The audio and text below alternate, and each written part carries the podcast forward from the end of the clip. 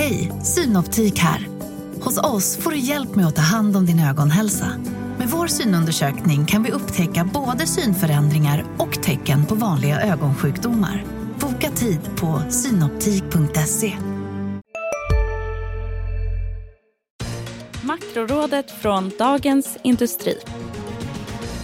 Välkomna till Makrorådet. Jag heter Viktor Munkhammar. Idag har jag sällskap av Anna Hammer, investeringschef på Länsförsäkringar och Olof Manner, seniorrådgivare på Swedbank. Välkomna båda två. Tack. Hallå, hallå. Hallå, hallå. Det är förmiddag den 17 maj när vi spelar in detta och vi gratulerar Norge med dagen såklart. Eh, dagens viktigaste. För övrigt ett av få länder vars valuta har utvecklats lika svagt som den svenska de senaste åren. Men det ska vi inte prata om idag. Istället ska ni få berätta vad som krävs av inflationsutfallet för maj för att Riksbanken ska avstå från att höja i juni. Vi fick ju en tydligt positiv överraskning när det gäller april nu i veckan. Sen vänder vi blickarna mot kontinenten. Liksom i Sverige har ju ekonomin i euroområdet hållit emot överraskande bra under vinterhalvåret. Men nu på våren här kan man ana lite svaghetstecken eller åtminstone en ordentlig tudelning. Inom industrin ser det lite mörkt ut och särskilt kanske den tyska som ju är den del av den europeiska ekonomin som har eh, störst bäring på Sverige. Vad är på gång där? I andra halvan får vi spaningar och på slutet veckans viktigaste. Eh, innan vi börjar med allt detta, Anna, tänkte jag ändå att ni ska få säga någonting om det här amerikanska skuldtaket. Det har ju varit liksom en återkommande såpa nästan de senaste åren och man har väl lite eh, ropat på vargen-känsla eh, sådär och ingen har riktigt brytt sig. Men nu har det ändå uppstå lite marknadsoro kring det, eller? Mm. Men är det inte bara att vi närmar oss lite mer? För det var väl precis sådär att ingen har orkat bry sig och så tänker man så här, äh, de kommer komma överens. Det här är bara politiskt spel och vem som ger sig först. Och, och så har i alla fall jag gått och tänkt att de kanske ger sig väldigt sent. Men men ändå, ju närmare man kommer de här datumen som har varnats för. Ja. Som ju är oklart exakt när. Ja, men i början första juni är väl någon, men det brukar ju alltid gå att skjuta ja, lite för det går att hitta att, några pengar i något hörn som man inte riktigt tänker det, på. Det är liksom ja. lite diffust där med vilken deadline det är. Men, men ja, jag tycker att det känns helt naturligt att marknaden har nästan varit lite väl eh, nonchalant ja, inför ja. det här. Fram till nu när det börjar kännas lite läskigare. Och det är nog bara att vi närmar oss tror jag. Ja, man kanske mm. ska berätta först vad det är. Det kanske inte är självklart för alla amerikanska skuldtaket. Det är ju så att kongressen bestämmer hur mycket eh, den amerikanska staten får belåna sig och det här eh, sätts för en tid framåt och så ökar belåningen och när man närmar sig den här gränsen då så måste det komma ett nytt bemyndigande eller ett nytt ja. okej okay från kongressen och då blir det konflikt mellan eh, republikaner och demokrater. Men, är det en korrekt beskrivning? Ja, precis. Och man skulle också kunna lägga till att det är ett ganska dysfunktionellt system. Att man liksom tar en massa beslut om saker man ska göra men sen kan det ändå bli problem med budgeten. På något vis. För att ja. det är två separata beslut men de borde ju kanske rimligen hänga ihop. Ja. Eh, Olof, kort bara, du som aldrig rör dig långt från ett marknadsgolv. Eh, hur eh, är vibbarna ja, där kring det är, detta? Det, jag skulle vilja säga ändå att det är, det är inte ännu så mycket som har hänt. Uh, uh, det man jämför med är ju det var 2011 då när uh, det faktiskt blev en riktig eh, rörelse på marknaden. Um, jag tror uh, att man, man gissar och hoppas på att det här kommer lösa sig. Det är en, en, så att säga, en, en repetitiv historia det här. Uh, jag tror också i och med att valrörelsen faktiskt riktigt, eller på allvar, har börjat i USA igen. och USA har ju också höga räntor. Eh, skulle det här så att säga explodera i ansiktet då kommer ju räntorna att dra iväg ännu högre. Då blir det så att säga en eh, då blir det problem och, och, jag tror ingen utav vare sig demokrater eh, eller i det här fallet då republikanerna vill sätta sig i en situation där de riskerar liksom att tappa eh, opinion på att ekonomin blir avsevärt sämre. Jag, jag, jag, tror att man fixar det här men som sagt det är ju en gissning. Va? Och, och eh, ännu så länge tycker jag inte det är några jättestora reaktioner. Ja, Okej, okay. om vi fortfarande pratar om det i nästa avsnitt av Makrorådet som kommer den 31 maj, då vet vi att vi har problem. Då är det inte ni som är här. Men eh, nu går vi vidare med dagen då. Eh, Olof, eh, som jag sa, i april visade det sig att inflationen steg mindre än vad marknadsaktörerna hade trott och mindre än vad Riksbanken eh, hade trott. Och så, den typen av positiva överraskningar har vi inte varit bortskämda med Eh, två, tiondelar, eh, två tiondels procentenheter var det på eh, KPIF exklusive energi som är väl det måttet som eh, Riksbanken eh, fokuserar allra mest på. Eh, och då är frågan, den här väntning, eh, höjningen som alla räknar med i juni, hur stor positiv överraskning krävs det i maj som är det andra inflationsutfallet de hinner få innan sitt junimöte för att det ska bli eh, oförändrad eh, ränta? Ja, men först jag vill börja med att säga att eh, eh, visst, inflationen kom in eh, lägre än förväntningarna. Eh, men vi pratar alltså två tiondelar när inflationen ligger på 8,4 procent. Han greppar efter halmstrån i det här, här läget. Nej, men, och, och det, ja, ja, men lite så. Va? Det, det, det, inflationen är fortfarande förfärande hög.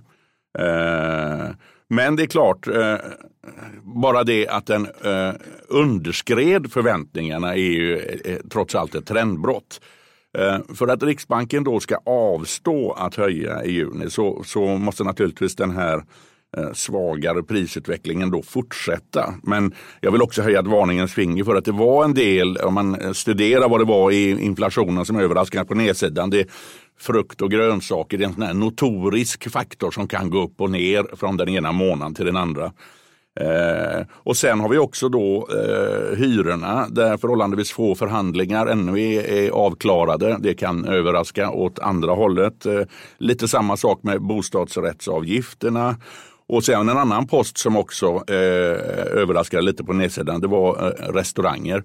Eh, men där vill jag påminna om att det var en ovanligt kall april. Och, och eh, liksom, eh, Uteserveringarna var inte fullsatta? Nej, det var de verkligen inte. Och, och så att, det kan slå tillbaka de här engångseffekterna. Sen är det också så att man får tänka lite taktiskt då om man sätter sig i Riksbankens sida. Om man nu skulle om man inte skulle höja räntan i, i juni utan ger sig själv möjligheten att göra det i september. Då vill jag ändå peka på att det kommer då alltså tre stycken inflationsutfall mellan eh, det mötet och septembermötet. Man får alltså juni, eh, juli och augustisiffrorna. Och om de då av någon anledning skulle eh, peka på att inflationen eh, är svår att få ner eller till och med liksom falla mindre än vad man har trott. Då blir det ju, får man ju sitta på häftstift till april innan man gör någonting. Det är alltså, till september? Ja, förlåt, till, till september. Man, man, eh, man skär bort sin handlingsfrihet lite tycker jag. Va? Så att, ja. Om man nu ändå har bestämt sig för att höja så tycker jag snarare det talar för att man ska höja tidigare snarare än senare. Eh, ja. Utav det skälet. Då. Så att svaret är att det ska väldigt mycket till. Jo, men jag, jag kommer tillbaka till att okej, okay, det är två tiondelar bättre, men den underliggande inflationen ligger på 8,4 procent. Ja, okay. Alltså det är ja. lite tidigt att slänga upp hatten i luften och hoppa jämfota av glädje. Ja. ja. Okej, okay, som sagt. Lite glada ska vi vara ändå ja, för det här trendbrottet tycker jag. Ja, bra Anna, kör. Jag försöker liksom upprätthålla någon optimism här. Men däremot så håller jag helt och hållet med Olof att det ska otroligt mycket till för att de låter bli den här höjningen innan sommaren. Och inne på det taktiska spåret så kan man ju också tänka att även om inflationen nu i nästa utfall skulle verkligen överraska ännu mer på nedsidan så att vi liksom, ja, skulle ha den här diskussionen igen. Då. Den lär ju ha så många gånger innan mötet om man säger så. Så kan ju Riksbanken också ta tillfället i akt att höja nu hoppas få någon kronförstärkning på det hela. Att man faktiskt, nej, nej, vi kommer inte ge oss. Och det här är fortfarande alldeles för hög inflation för det är ju ingen som tror att det ska ner mot målnivåer. Och kanske få lite hjälp eh, i inflationstrycket och få ner det då via kronan också. För där har ju Särskilt kronan ECB varit ett problem. höjer eh, lite mindre än väntat. Ja precis och det är väl kanske inte så sannolikt då. Eh, för det är ju sådana frågor också. Det har ju inte bara såklart Nej. med inflationsutfallet i maj att göra utan det har ju att göra med ECB, huruvida de eh, skulle bli lite mjukare nu då. Sannolikheten är inte speciellt stor.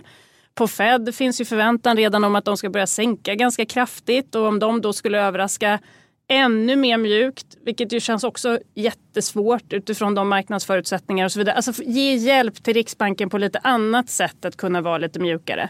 Men sen tycker jag också att man ska komma ihåg att sen februari då, alltså förra eh, penningpolitiska beslutet och rapporten eh, så har de ju dragit upp inflationsprognosen just på den här underliggande rejält till april då.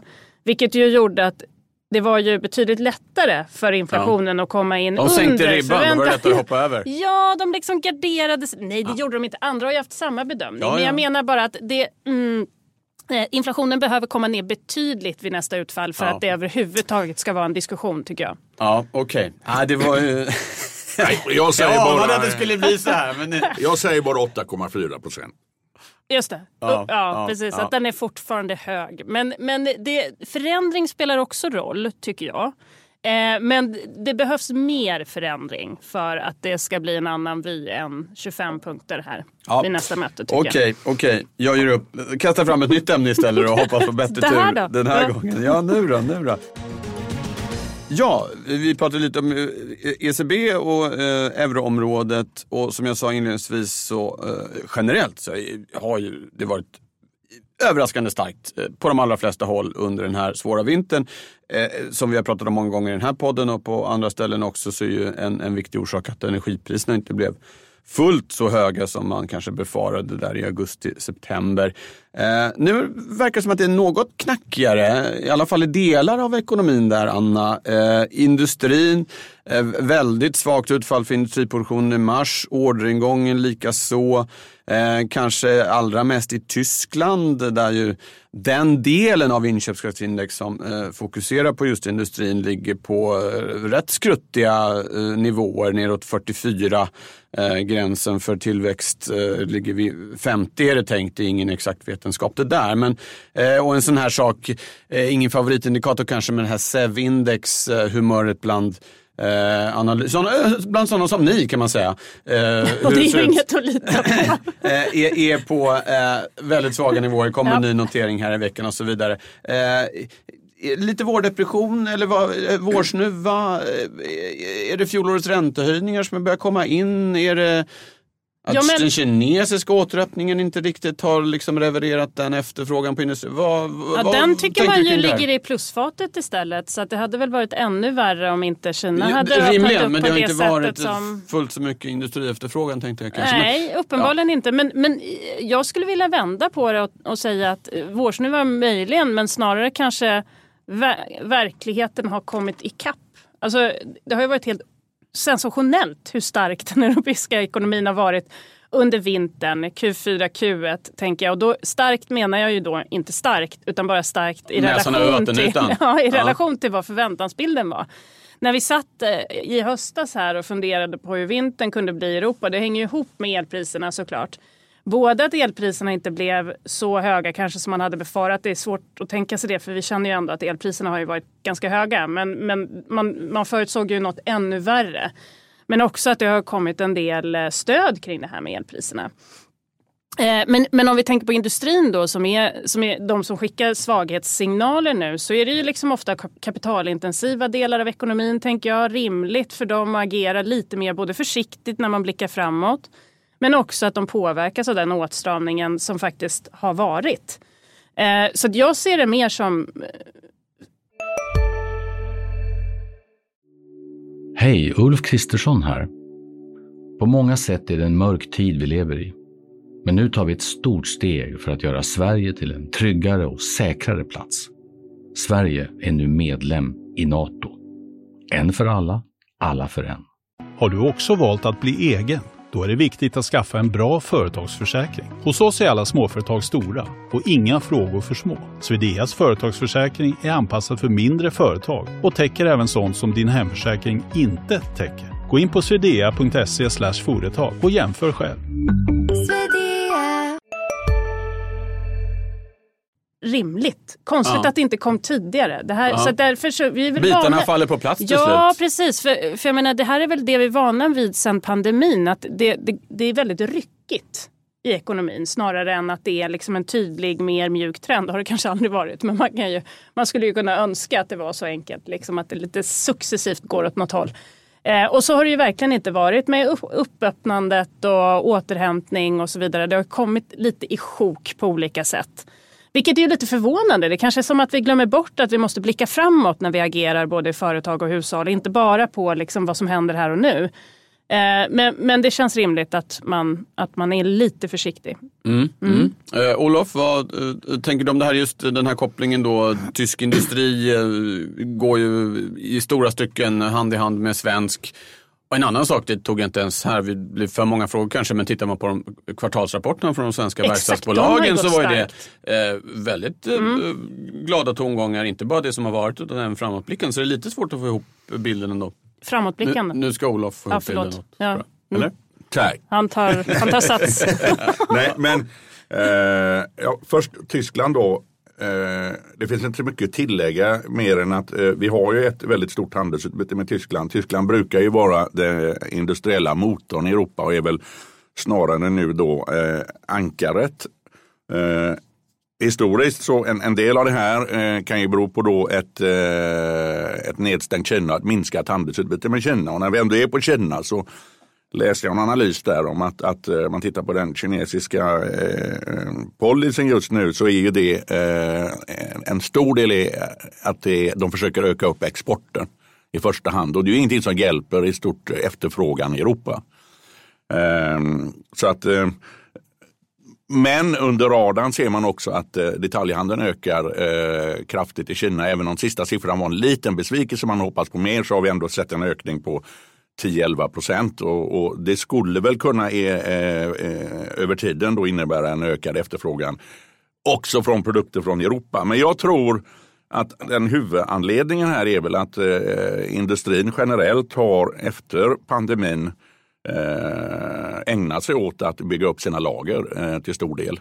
Eh, både sina egna lager men också eh, lagren hos eh, sina återförsäljare. Då. Och, eh, vad jag förstår nu så är lagren ganska fulla samtidigt som orderingången då eh, går ner. Och det här kan man då se i den här eh, sentimentundersökningen Euro Area Industrial Sentiment som också backade i april. Då, och där skyller man då på fulla lager och dämpad orderingång. Det man eh, skulle vilja se då för att eh, eh bli säker på att, att man nu drar ner aktiviteten det är ju att varseln eh, ökar hos industrin. Det har vi ännu inte riktigt gjort.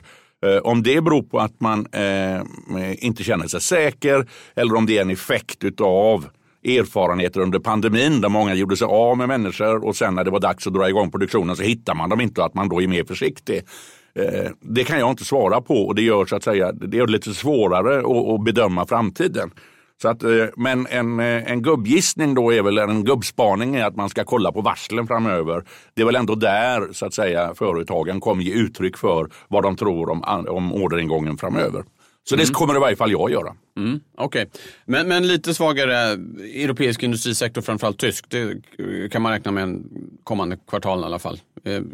Det tycker jag låter rimligt. ja, Ehm, och det, jag, Och så borde det vara så att säga. I Ja, så borde det vara. Och det här med arbetsmarknaden är ju intressant. Det, jag, jag tror att det finns en stor komponent av det här med labor hoarding. Att man Spara vågar inte hamna i samma sits igen. Att man inte får tag på arbetskraft. Och det skulle ju peka på att att arbetsmarknaden är ännu mer laggande än vad den brukar vara. Vilket ju innebär att det, det kan vara liksom för sent, höll jag på att säga, när varslen börjar gå. Ja, det, det blir, Som ett, signal. det blir ett, ett brus i det här signalsystemet som man är van att titta på. Ja, det tyckte jag. Nu- spårar det fullständigt här, men nu- börjar jag prata om svensk arbetsmarknadsstatistik. Ja, det- ja, är en grej jag tänkte på när SCB släppte sina siffror var att antalet arbetade timmar har legat i princip stilla sedan början av året trots att sysselsättningen har ökat. Mm. Och det tyder på just det här att man behåller näsorna så att säga, Mm. men färre eh, arbetade timmar.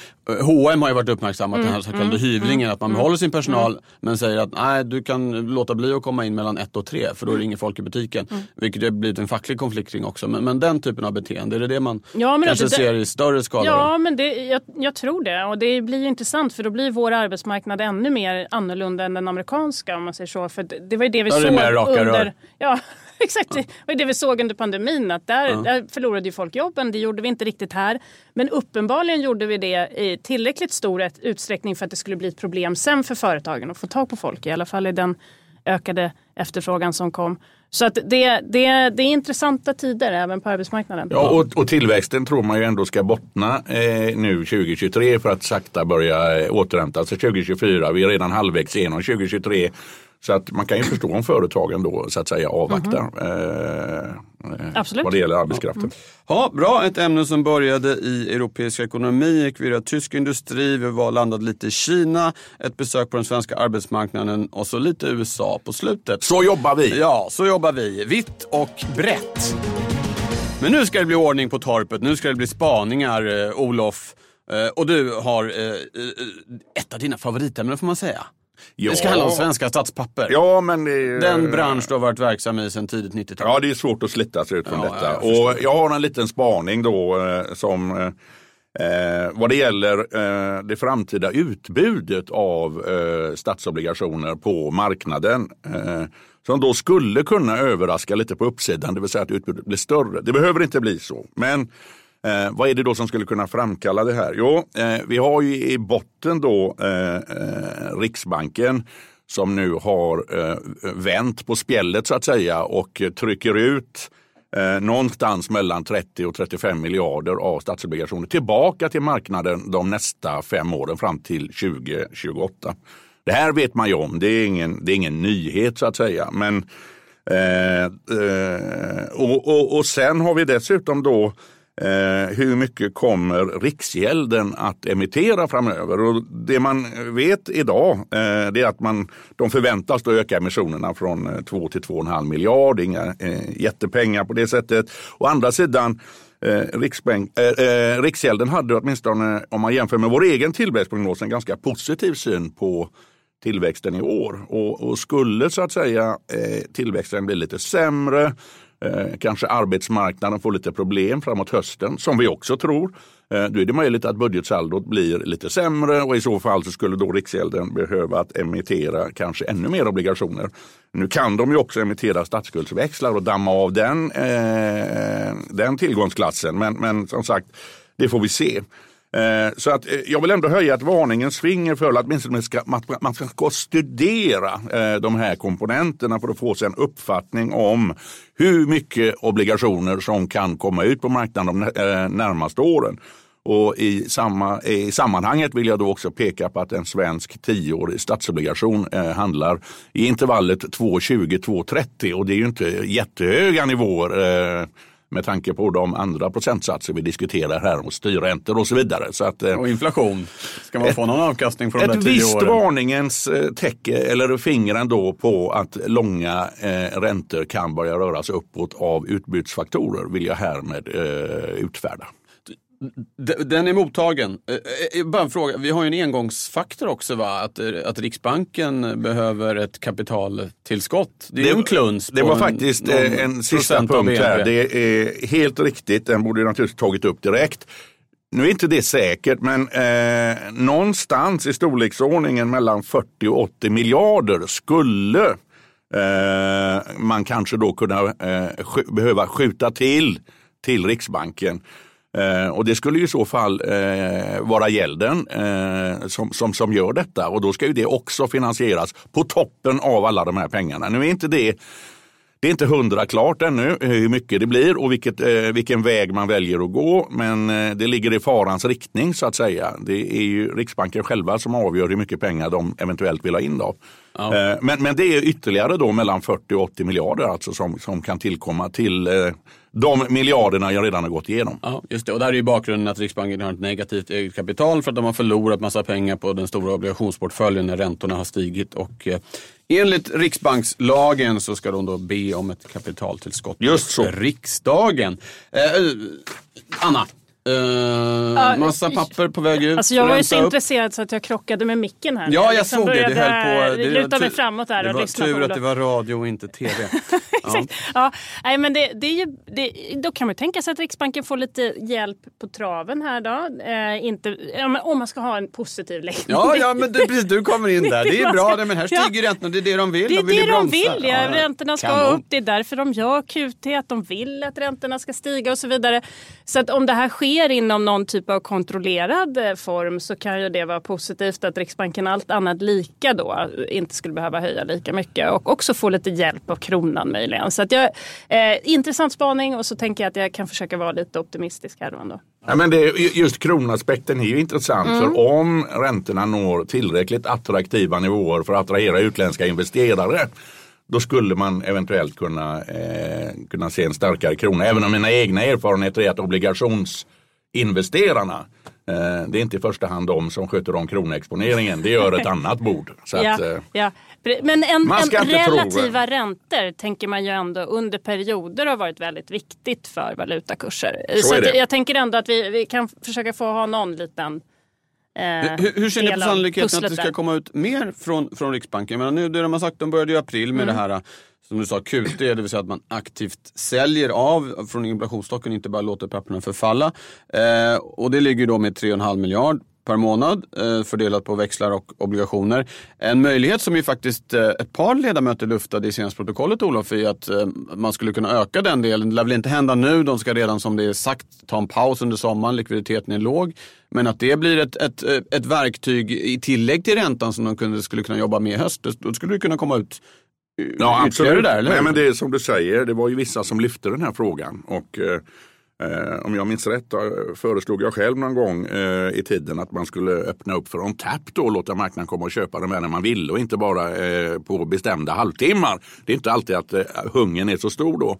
Eh, men eh, jag tycker det är en bra idé så att säga. Eh, och, och, Sen som sagt, eh, sommaren kanske inte är det bästa tillfället att genomföra en sån ökning. För Det då- skulle väl vara eh, någonting de tittar på i septembermötet i så fall? Va? Ja, Tänker det kan jag, Så att det skulle kunna eh, komma i oktober kanske? Om det kommer så skulle det väl komma då. Ja, ja. Okej, eh, varning för utbud. Eh, men det är bara bra, säger du Anna. Ja, för då, eh, ja. Fint.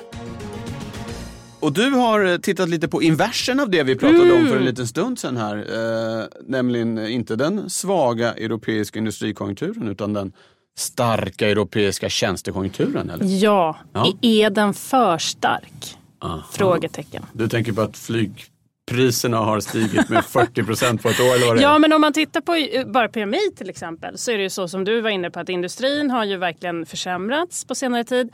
Men tjänstesektorn har stuckit åt andra hållet. Och just i Europa så syns det extra tydligt. Vi ser liksom trenden i Sverige men den är inte lika stark och den är inte på lika starka nivåer.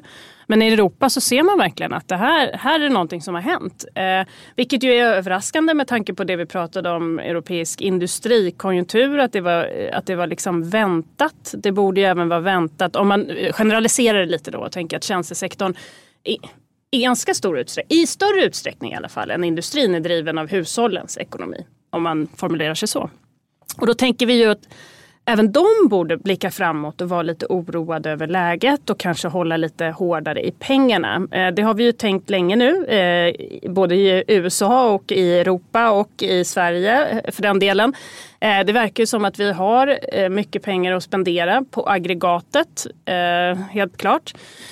Så uppenbarligen så har ju inte europeisk tjänstesektor och hushåll då hållits tillbaka på det sättet som man tror. Och det här kan bli en risk för ECB. För vi ser ju också att lönerna har ju stuckit iväg i Europa på ett helt annat sätt än vad vi har här. Då. Vi kan verkligen, eh, kanske om vi blickar ännu mer framåt, tänka att det är möjligt att vi verkligen kommer ur det här med någon fjäder i hatten med vår, eh, vår lönebildning. Att det visar sig vara en viktig det är ju komponent vi måste... i det här. Konkurrenskraftsgrejen som håller på att uppstå här, men det får bli en annan podd. Ja, oj, oj, oj. Ja, Då, ja, då, då kan ja, vi nej, prata länge. är precis. Men just i det här perspektivet då, så ser vi att lönerna är på höga nivåer eller ut, ja, utvecklas starkt då just nu i Europa. Det kan vara en del tillfälliga effekter men det är ändå så att vi ser att avtal sluts ju på helt andra nivåer eh, i olika europeiska länder. Eh, och om det här driver på ekonomin för mycket så blir det ju ett problem på... Vi ser att tjänsteinflationen inte har börjat dippa ner. Andra delar har gjort det. Tjänsteinflationen har inte gjort det. Om den fortsätter upp istället så blir det ett problem för ECB. De kommer att vara tvungna att strama åt ännu mer. Eh, det här påverkar ju såklart också oss. Jag menar, om ECB stramar åt ännu mer så, så får vi ändå eh, andra typer av problem än vad vi skulle få om de liksom höll lite jäm, mer jämn takt med oss. Det är väl härligt att vända på, på det hela och säga att de ska hålla jämn takt med oss snarare än att vi ska hålla jämn takt med dem. Det är inte så sannolikt, men ändå, ni förstår perspektivet. Eh, och tittar man också då på Sverige så är det så att eh, Finanspolitiska rådet pekar ju till exempel på att de här elstöden har slagit för brett i Sverige. Och det skulle man ju också kunna tänka sig i Europa, att det är en del av det här. Både att vi har sparade medel från tidigare men också att vi har fått finanspolitisk stimulans. Eh, och även om Finanspolitiska rådet då säger att för Sveriges del så var det rimligt på totalen eh, med den stimulans som har varit så har det liksom träffat för brett och man hade kunnat stimulera mer om man hade haft riktade insatser mot de hushåll som verkligen har det svårt i det här läget. Eh, så att jag tror bara för att liksom förstå inflationsproblematiken framåt och fundera på det här som vi började med. Kom, kommer den överraska mycket på nedsidan eller inte? Så är europeisk tjänstesektor någonting som man verkligen kan hålla ögonen på. Ja, mm. okej. Okay. Olof, tankar? Ja, nej, men bara återigen då just den här lagerkomponenten. Den eh, verkar ju som en utjämnande faktor i industriproduktionen. Eh, så att säga, man kan bygga lager när efterfrågan, orderingången är låg och man kan ta sina lager när efterfrågan är hög. På tjänstesidan mm. funkar det inte riktigt så. Det är mera direkta konsekvenser. Ja.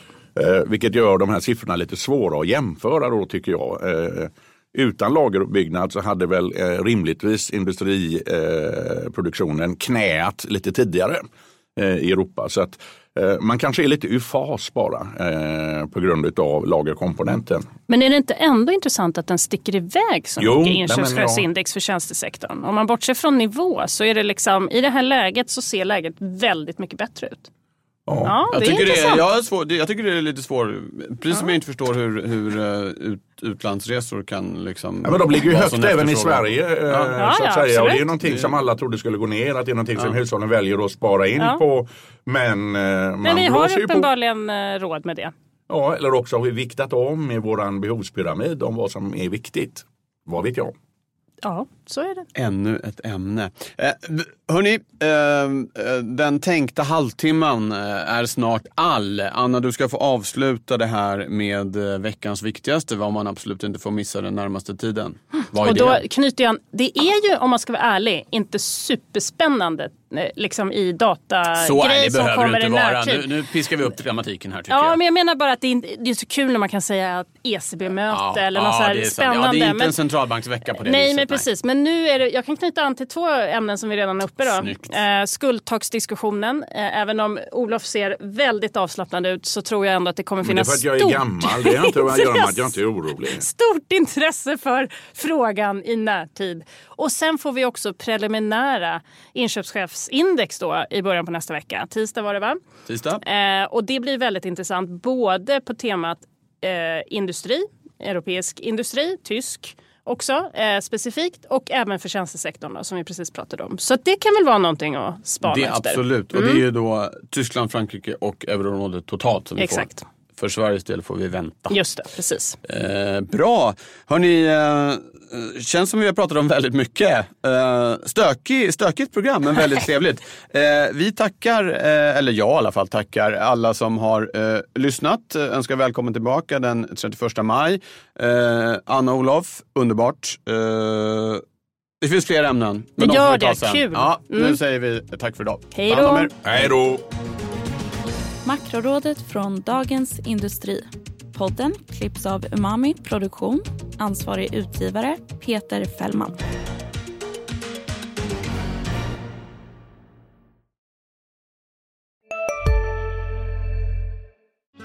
Hej, Susanne Axel här. När du gör som jag och listar dig på en av Krys vårdcentraler får du en fast läkarkontakt som kan din sjukdomshistoria.